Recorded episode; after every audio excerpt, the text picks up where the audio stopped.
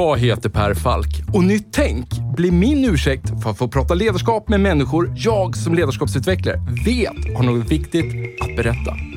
Och med tio avsnitt per säsong, varannan vecka, gräver vi därför ner oss i tekniker, principer och synsätt för att vi ska sätta fingret på vad som kännetecknar det ledarskap vi alla behöver se mer av. Och för att få de här samtalen att hända så har vi sponsorer. Först och främst min arbetsgivare Mindset, där jag och mina kollegor tar fram både små och stora ledarskapsprogram som skapar de nya beteenden som behövs för att få er strategi att hända. Allt handlar om att noga identifiera moments that matters. Samt Promote, som är den självklara digitala plattformen för dig som vill skapa effektfulla lärresor och ett mätbart resultat i verksamheten. Och om ni vill ge era nya medarbetare en riktigt bra introduktion med en välkomnande och effektfull onboarding så tycker jag ni ska kontakta superproffsiga Induction. Ni hittar såklart länkar i avsnittsbeskrivningen. Nu hoppar vi in i samtalet och kom ihåg att det här är ett sammandrag av originalversionen. Enjoy!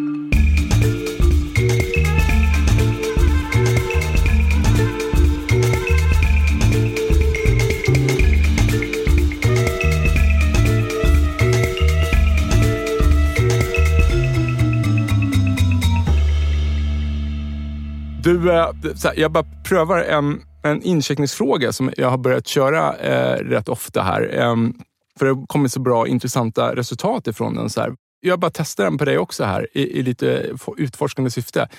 Gör du någonting på fritiden, ett beteende som du skäms lite för?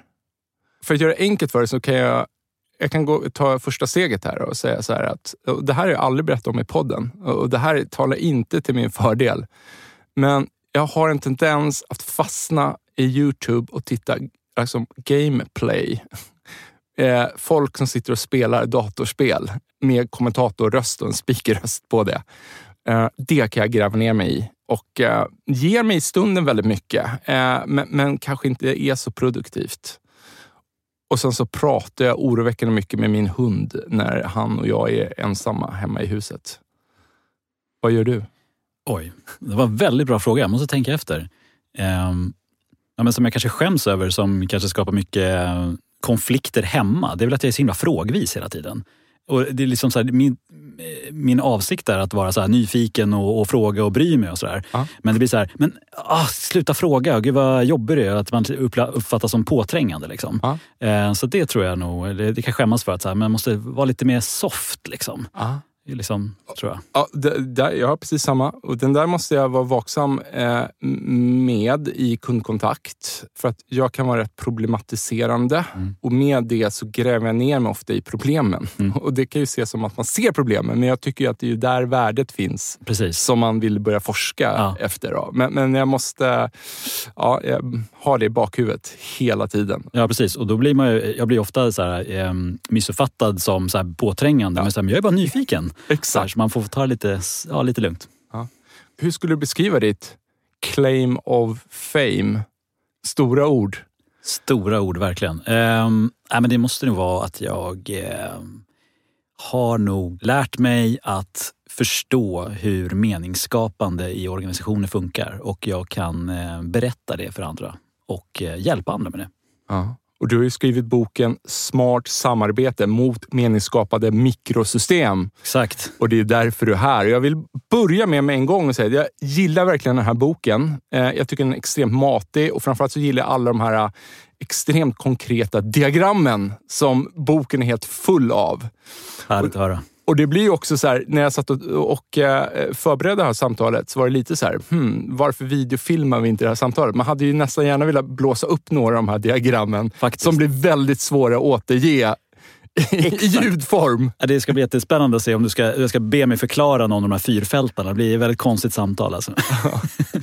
Men jag vill liksom bara med en gång bara trycka på liksom att jag, jag, jag bjuder bara in folk som liksom har grejer som jag verkligen gillar. Och den här boken, jag tycker den håller som en, en bokcirkel. Det kanske, du kanske känner till organisationer som använder det som en bokcirkel inom en ledningsgrupp eller i en vidare cirkel också. Ja, i ledningsgrupper faktiskt har ja, det hänt. Och jag, jag förstår det. Mm. Eh, för den bjuder in till samtal och det är väldigt lätt att jobba vidare från den. Mm. jag tänkte så här, innan vi nu börjar dyka ner i den här boken då, och du ska få blomma ut här eh, och vad du har gjort. Vad, hur, hur skulle du beskriva dig själv? Vem är du?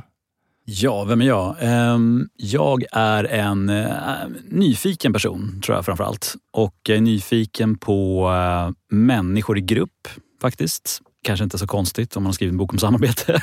Eh, men jag tror jag framför allt är en person som eh, tycker så här, men varför krånglar vi till det så mycket? Vi borde kunna göra det här enklare. Eh, och sen så är jag väldigt, mm, ganska envis och ska man säga, vill få saker att hända. Så jag är nog lite så. Och sen tror jag nog att jag är ganska finurlig och använder mycket humor som verktyg för att, för att få, få med mig folk och få saker och ting att hända. Ja. Hur samlar du energi? Eh, väldigt mycket vara för mig själv. Väldigt mycket. Alltså jag tror jag har lite, jag är lite dubbelnatur tror jag. Jag kan nog vara på scen och vara cirkushäst. Eh, men sen har jag stort behov av att bara få vara för mig själv och eh, så här, vara i mina egna tankar och läsa böcker och kolla på film och sådär. Ja.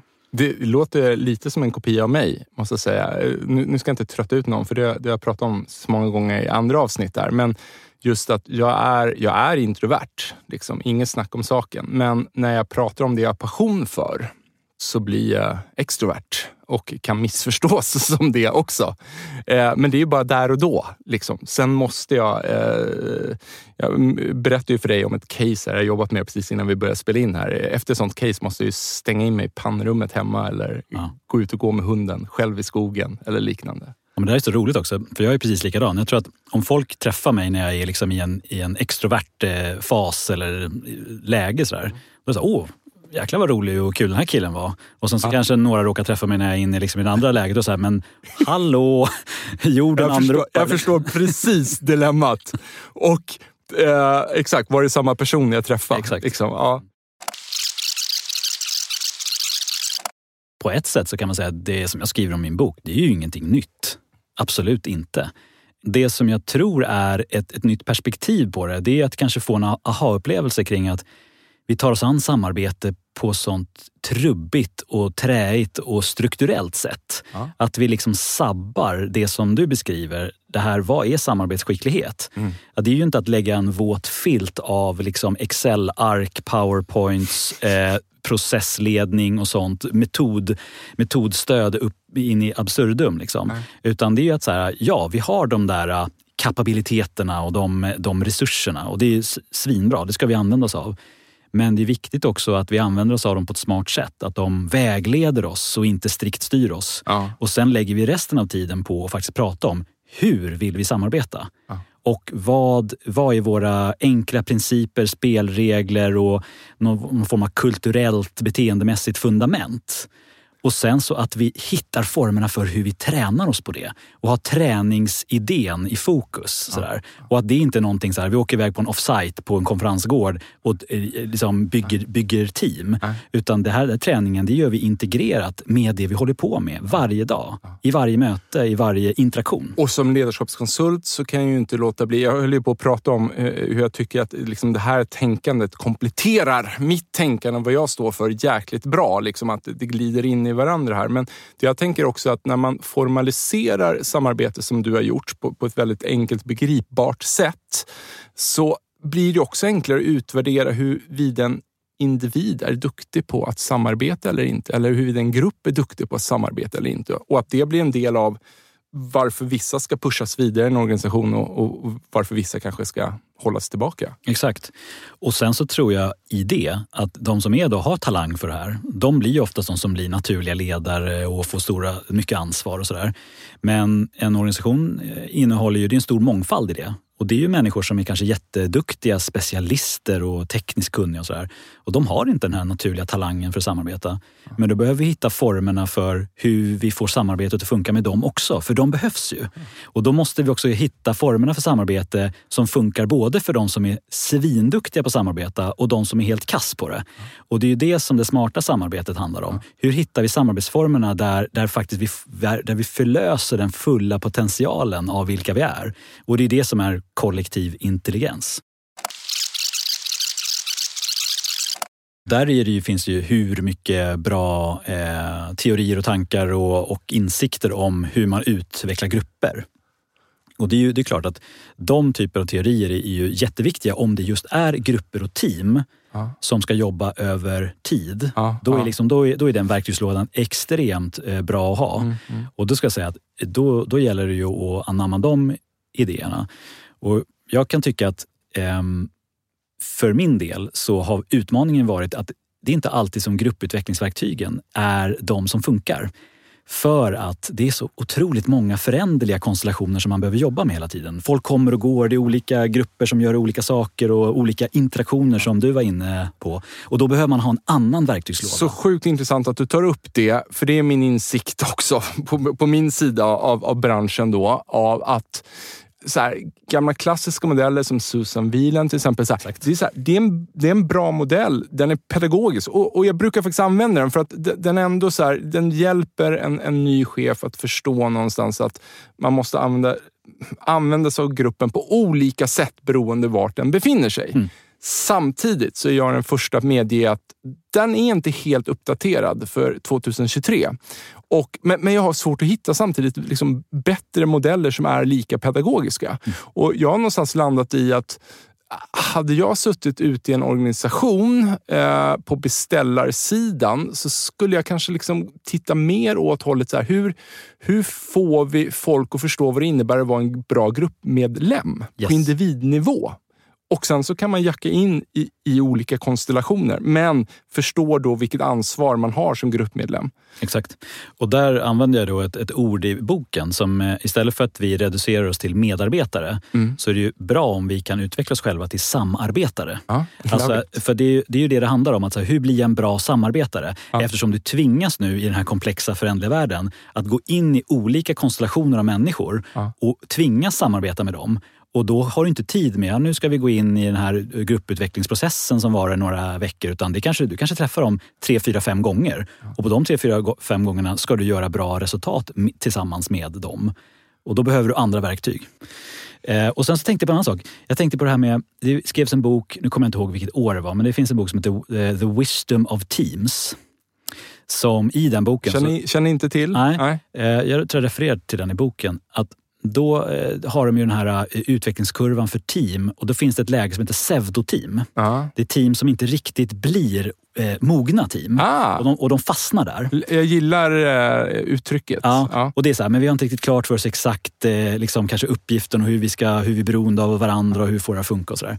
Eh, men jag menar på, i, i de här mer komplexa organisationerna vi lever i nu, Ja. allt mer, så är pseudoteam börjar nästan bli det nya normala. Och istället för att vi ser det som en belastning, så är det så här, okej, om det är det nya normala, Ja, ja. då måste vi vända det till, bra, hur jobbar vi med den typen av grupperingar istället? Bejaka det nya utgångsläget. Ja. Hur, liksom, att, eh, kan vi maximera output? Det är såklart att det kanske vore allra bäst om alla jobbar i fasta team. Mm. Men det finns andra hur ska man säga? Det finns andra faktorer som gör att vi måste jobba i flera team samtidigt och de teamen är väldigt flyktliga. Och, och gör vi det så, så når vi ändå längre som organisation. Och Ja. Då kan vi lika gärna bejaka det utgångsläget och Ja. se hur jobb... Ja, ja, jag förstår. Och istället för att bli frustrerad över Ja. men vi ska gå igenom den här gruppprocessen och, och vi ska hamna i det här mogna tillståndet. Så bara, men det är ju fel sak att söka eftersom det här teamet kommer inte finnas om två veckor. Jag, jag förstår och jag håller med till 100 procent. Du, eh, förra veckan då så avslutade jag eh, ett större program som var under 12 månader. Och då på slutet då hade vi liksom pratat extremt mycket om vilka beteenden som de vill skapa då på individnivå. Eller vilka beteenden organisationen behöver, men också deltagarna. Vilka nya beteenden runt omkring så behöver de på individnivå. Började prata väldigt mycket om hur de ska forma de här beteendena och, och vi har mätt en progress och så vidare. Men så avslutar vi då de sista dagarna här med att prata om att ja, men så, vilka, liksom, vilka arenor har vi nu att skapa de här nya beteendena i. Liksom, ha- att här blir det viktigt att jag, att jag skapar, att jag shapar de här. Och vilka verktyg har jag då till förfogande? Och jag, någonstans så tänker jag mig att du gillar ordet, du kanske inte använder ordet arena, men du måste ju ändå i, i ditt tänk ha något liknande. Absolut. Ja. Så. Och och faktum är att jag använder ordet arena. Jag använder Ah. ofta ordet samarbetsarena. Och det är ju det som jag i boken då kallar för mikrosystem. Ja. Men det är ju faktiskt samma sak. När jag föreläser om de här sakerna då brukar jag undvika ordet mikrosystem för det är för akademiskt. Sådär. Eh, men eh, när jag pratar och även coachar och hjälper organisationer med, med samarbete så brukar jag prata om just de här. Var, var har ni samarbetsarenorna? Och vilka samarbetsarenor behöver fungera extra bra för att ni ska lyckas? Så att jag brukar ofta, eh, när jag tar mig an och hjälper ehm, organisationerna att samarbeta bättre. Då är ju egentligen den första frågan jag nästan alltid ställer så här, vilka är ni beroende av för att lyckas med den här uppgiften som ja. ni vill lyckas med? Ja. Och sen så hjälpa dem och, och hitta dem. Liksom, ta på sig andra typer av glasögon, skapa en annan blick för sin egen organisation och identifiera var finns samarbetsarenorna och vilka samarbetsarenor behöver vi skapa för att lyckas? Och sen gå in i dem och jobba med dem väldigt tydligt då kring samarbetsvanor. Ja möten känns som en väldigt verkligen. vanlig typ av arena. Ja, det är det verkligen. Och, och, och i boken så tar jag upp, så här, det, finns, det finns ett enkelt sätt att använda en, en akronym som kallas för BRUM. Eh, och det är en ganska bra sån här, enkelt sätt att kategorisera. Vad är det för typ av olika samarbetsarenor som vi oftast pratar om? Och BRUM då står för beslutande, rådgivande, utförande och mottagande mikrosystem. Då. Och, och, det är ett sätt att säga, just det, vilka är vi beroende av för besluten här? Och vilka, vilka är beroende av för rådgivning? Och vilka behöver utföra vad? Och vilka behöver ta emot våra resultat och sådär. Ja. Och då blir det lättare också sen att gå in och jobba. Just det, och det är deras syften som definierar sen hur de ska kunna Exakt. samarbeta. Vad ska outputen vara för ja. just den här typen av möte? Precis. Ja. Love it. Mm. Och, och, då blir det på något sätt, då är det ju, då egentligen så är det ju eh, de här eh, samarbetstillfällena som uppstår i de här olika kategorierna av samarbetsarenor. Och då gäller det att förstå hur gör vi de eh, samarbetstillfällena så smarta som möjligt. Om vi bara zoomar ut på oavsett vilken typ av möte det är. Kan du säga någonting om liksom, vad är ett bra möte och vad är ett dåligt möte? Ett eh, dåligt möte kan jag börja med. Det är ju, det är ju ganska det är föga förvånande. Ett möte som inte har en agenda och ett syfte. Är ett ganska dålig ut, ut, utgångspunkt. Och, eh, för då vet man inte vad man gör där och vad man ska bidra med och, och det är ju ganska liten sannolikhet för att det blir ett bra output. Så. Eh, så att, eh, och det pratar jag mycket om i boken. Att det är möten och hur vi liksom skalar upp det till samarbetsarenor. Det börjar ju sluta med förväntningar. Ja. Vilka förväntningar sätter vi? Mm. Och det handlar ju både om förväntningar som kanske har eh, serverats. Så här, ni, vi har förväntningar på er att ni ska göra det här. Men sen är det också lika mycket, vad har jag för förväntningar? Ja. Vad har du för förväntningar? Vad har vi för förväntningar tillsammans? Ja, ja. Och att man har ett smart samtal kring det och landar i en ambitionsnivå. Ja, men det här känns rimligt. Och förhoppningsvis kanske man då, om det är återkommande möten, så kanske man har rätt ut det här då mm. vid starten av den här konstellationen. då. Verkligen. Och, och där, där pratar jag om en, en, samarbetsvana i boken som är väldigt återkommande som heter 4F. Då. De fyra F som är någon så här, ja, eh, cirkulärt arbetssätt, ett agilt arbetssätt så där, som man orkar hålla i huvudet. Och det går ut på just att om vi gör matchningen mellan förväntningar och då nästa F, förutsättningar. Ja. Då hittar man den här ambitionsnivån. Att så här, ja, det här är det vi vill och det här är det vi behöver. Och då kan man gå igenom eh, de andra två F, då, att förverkliga saker och förbättra dem. Och om man tänker efter, så här, ja, ett möte, vad är det? Ja, det är ju en sån där cykel. Ja. Inför mötet så sätter vi tydliga förväntningar på vad som ska hända och vilka förutsättningar vi behöver få det att funka. Och sen i mötet då förverkligar vi det. Och sen i slutet av mötet så pratar vi om vilka för, förbättringar behöver vi göra inför nästa möte eller vad vi ska göra härnäst och så. Och så kan man repetera det. Var fasen börjar man någonstans då? Var börjar man? Man börjar med syftet. Aha. Till att börja med, om man ska samarbeta. Varför ska vi samarbeta? Eh, för de flesta av oss tänker så här att men man samarbetar väl inte om man inte behöver. Jag menar, lite amerikaner är, är vi nog trots allt. Så att kan vi göra saker själva så är det ju ganska skönt. Mm. Men ofta så kan vi inte göra själva utan vi är beroende av, av varandra. Så där är det börja med, okej, okay, vad är uppgiften? Varför behöver vi samarbeta kring det här? Och vad är vår, liksom, ställa oss frågan, vad är det vi då behöver för att vi ska lyckas samarbeta? Ja. Och sen så istället för att bara hoppa in i uppgiften och köra i 120, några få sådär, ja. så försök att börja öppna upp kring vad omvärlden är och liksom, vilka är vi beroende av för att lyckas? För missar man det så får man liksom försöka ta igen det efteråt och då blir det den här säga, förändringsledningssvansen som man, som man ofta tvingas jobba med. Att man jobbar med förändringsledning för sent. Och, och då, ja, det, det, blir för mycket för, för sent. Ja.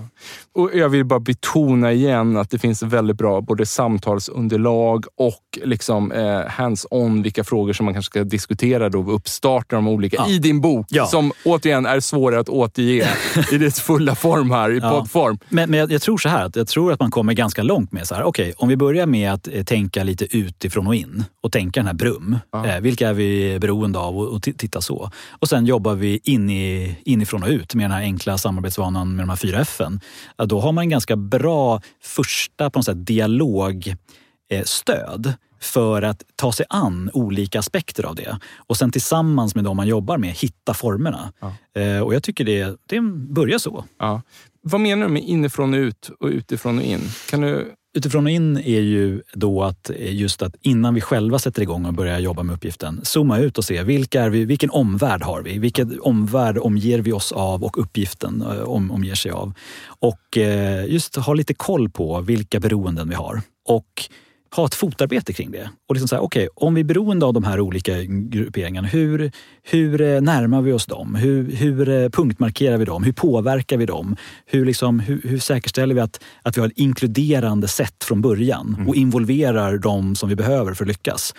Så det är liksom ut, liksom suga in den kompetensen och de vi behöver för att, för att lyckas. Så. Ja, ja. Och eh, inifrån och ut är ju mera, men nu är vi i den här gruppen av den här delprojektet eller vad det nu är för någonting som, som ska lyckas med den här specifika uppgiften. Och då med prata om inifrån och ut. Då. Hur ska vi navigera i den här uppgiften med exempelvis då ett, ett repeterbart arbetssätt för att lyckas. Ja. Det som jag också gillar med boken, förutom nu liksom att, att den är väldigt konkret, så, så här, det är också rätt mjuka frågeställningar, eller traditionellt mjuka frågeställningar som du tar upp. Du, du pratar om så behovet av självpresentation mm. när man hamnar i en ny konstellation. Mm. Och förutom då liksom, eh, saker som vi kan gissa oss till som man brukar ta upp med en självpresentation, eh, så tar du också upp så att man ska beskriva sina avigheter. Mm. Ja, men jag tror ju att Ja, men om man tar det utzoomade perspektiv på det. Så är ja. Jag är jätteintresserad av massa olika teorier kopplat till det här. Och det är många som har djupdykt i de här äh, mjuka frågorna. Och så här. Min bok handlar ju om att så här, okay, hur tar vi allt det här som är så otroligt in intressant och bra och gör det användbart? Och vilka lite nuggets plockar vi ut som, är, som funkar för det mesta. Och då är exempelvis en sån sak som att våga öppna upp och prata om sig själv. Ja. Det är ett väldigt effektivt sätt för att visa för andra att så här, bra, då kanske du kanske också kan öppna upp dig och då kan vi plötsligt få ett, ett samtalsklimat som är trevligt. Ja. Du pratar också om behovet av incheckningar och utcheckningar. Ja. Ja. Och det, det, handlar ju om att, så här, för att för att inte vi ska bli luftlandsatta och känna så här, oh shit vad jag är här och hur ska vi få det här att funka och så. Så eh, att man närmar sig varandra och uppgiften från där vi befinner oss. Och vi befinner oss mentalt på olika ställen. Så incheckning är ett jättebra sätt att bara samla sig och göra det så effektivt och kort som möjligt. Och sen när vi går därifrån, göra en utcheckning för att, okej, okay, hur upplevde vi det här och vad kan vi ta med oss framåt? Ja. Vad skulle incheckningen kunna vara? Allt möjligt. Det kan ju vara allt ifrån så här, vad har du för förväntningar på det här mötet? Men det kan ju lika gärna vara eh, exempelvis en, en sån typ av incheckning. Vad, vad skäms du över? Exakt, ja men verkligen. Så jag, jag brukar faktiskt uppmana till det att så här, kan man flika in eh, en lära känna-fråga då jobbar man ju med självpresentationen, inte som ett tillfälle, utan man gör det lite då och då, sådär, ja. över tid. Och, och jag, igen, jag, jag, upprepar mig igen, men det är det som jag tycker, gillar här, liksom, att du smälter ihop det här hårda med det mjuka. Hmm, Okej, okay. jag, jag, problematiserar vidare här. Jag, jag, tänker så här också då, att jag menar, bara för att vara supertydlig, du, så här, det här exemplen du nämnde, liksom, det är ju liksom ett format då som i alla nya konstellationer som man hamnar i så, så, måste man börja enas lite om de här frågorna. Är det inte rätt lätt då, om man är lite djävulens advokat, att man kan bara fastna i någon loop vad som är syftet med vårt samarbete? Som blir liksom en vi når aldrig mål och varje gång vi träffas så håller vi bara på att prata om vad syftet är med mötet. Liksom. Och vi verkar aldrig riktigt kunna enas. Nej, Det där är jättevanligt och, och det är därför som också med den här äh, 4F-loopen som jag pratar om, då, det här med förväntningar, förutsättningar, förverkligande och förbättringar. Det är ju att, är ett annat sätt att säga, snacka inte bara Utan snacka absolut en stund och gör framförallt matchningen mellan förväntningar och förutsättningar. Det behöver man prata om och så. Men sen så är det så här, okej, okay, nu är det good enough. Nu behöver vi göra saker. Och genom att vi förverkligar saker så har vi någonting att fortsätta prata om. För då har vi skapat någonting. Och det är kring det som vi har gjort som vi sen fortsätter prata om. Okej, okay, vad vill vi förbättra framåt och hur kanske behöver vi anpassa ambitionsnivån då? kring förväntningar och förutsättningar. Det, det låter lite iterativt. Jo, men det är ju det. Så det är, det är ett annat sätt eh, än att säga så här, gå in och använd en väldigt svår agil metodik för att jobba och istället så här, okej, okay, trigga den här samarbetsvanan som är så enkel att hålla i huvudet, de fyra F. Ja. Den är repeterbar och den handlar om att göra växlingen mellan prata och göra. Ja. Prata och göra och däremellan såklart tänka. Ja. när du är ute och jobbar i organisationer, kan du känna då när du eh det är precis som i ledarskap. Jag menar, de mest effektiva ledarskaps vetenskapligt validerade, eh, kända ledarskapsbeteendena som vi vet att vi måste göra mer av. De är ju rätt banala. Verkligen. Och, att, eh, och jag kan prata rätt länge av att problemet är inte att de är svåra att förstå. Problemet är att, att, att få in dem i sin ryggrad och verkligen göra dem. Och du nämnde ju Kahneman eh, tidigare. Då. Man, man, man, det kan ju säkert finnas ett bias där, där man tror att man gör de här ledarskapsbeteendena mycket, mycket, mycket oftare än vad man, som faktiskt är fallet. Mm.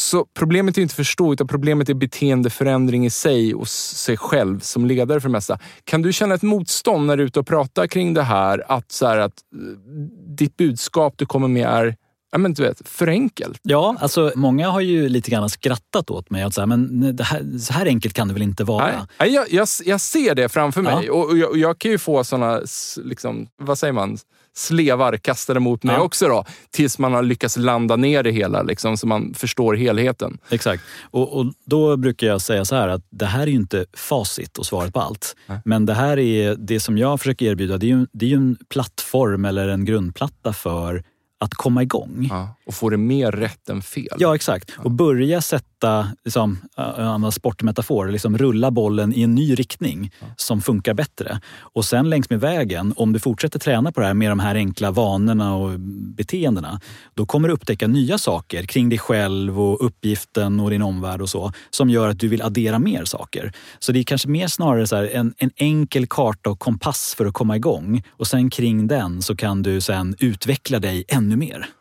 Och vi var ju inne på lite där, så här, det jag har landat ner i att, att man kanske mer ska träna individer, att, ja, men, eller för att blanda ihop det jag tänkte och det du sa, att träna individer att vara bättre samarbetare. Mm.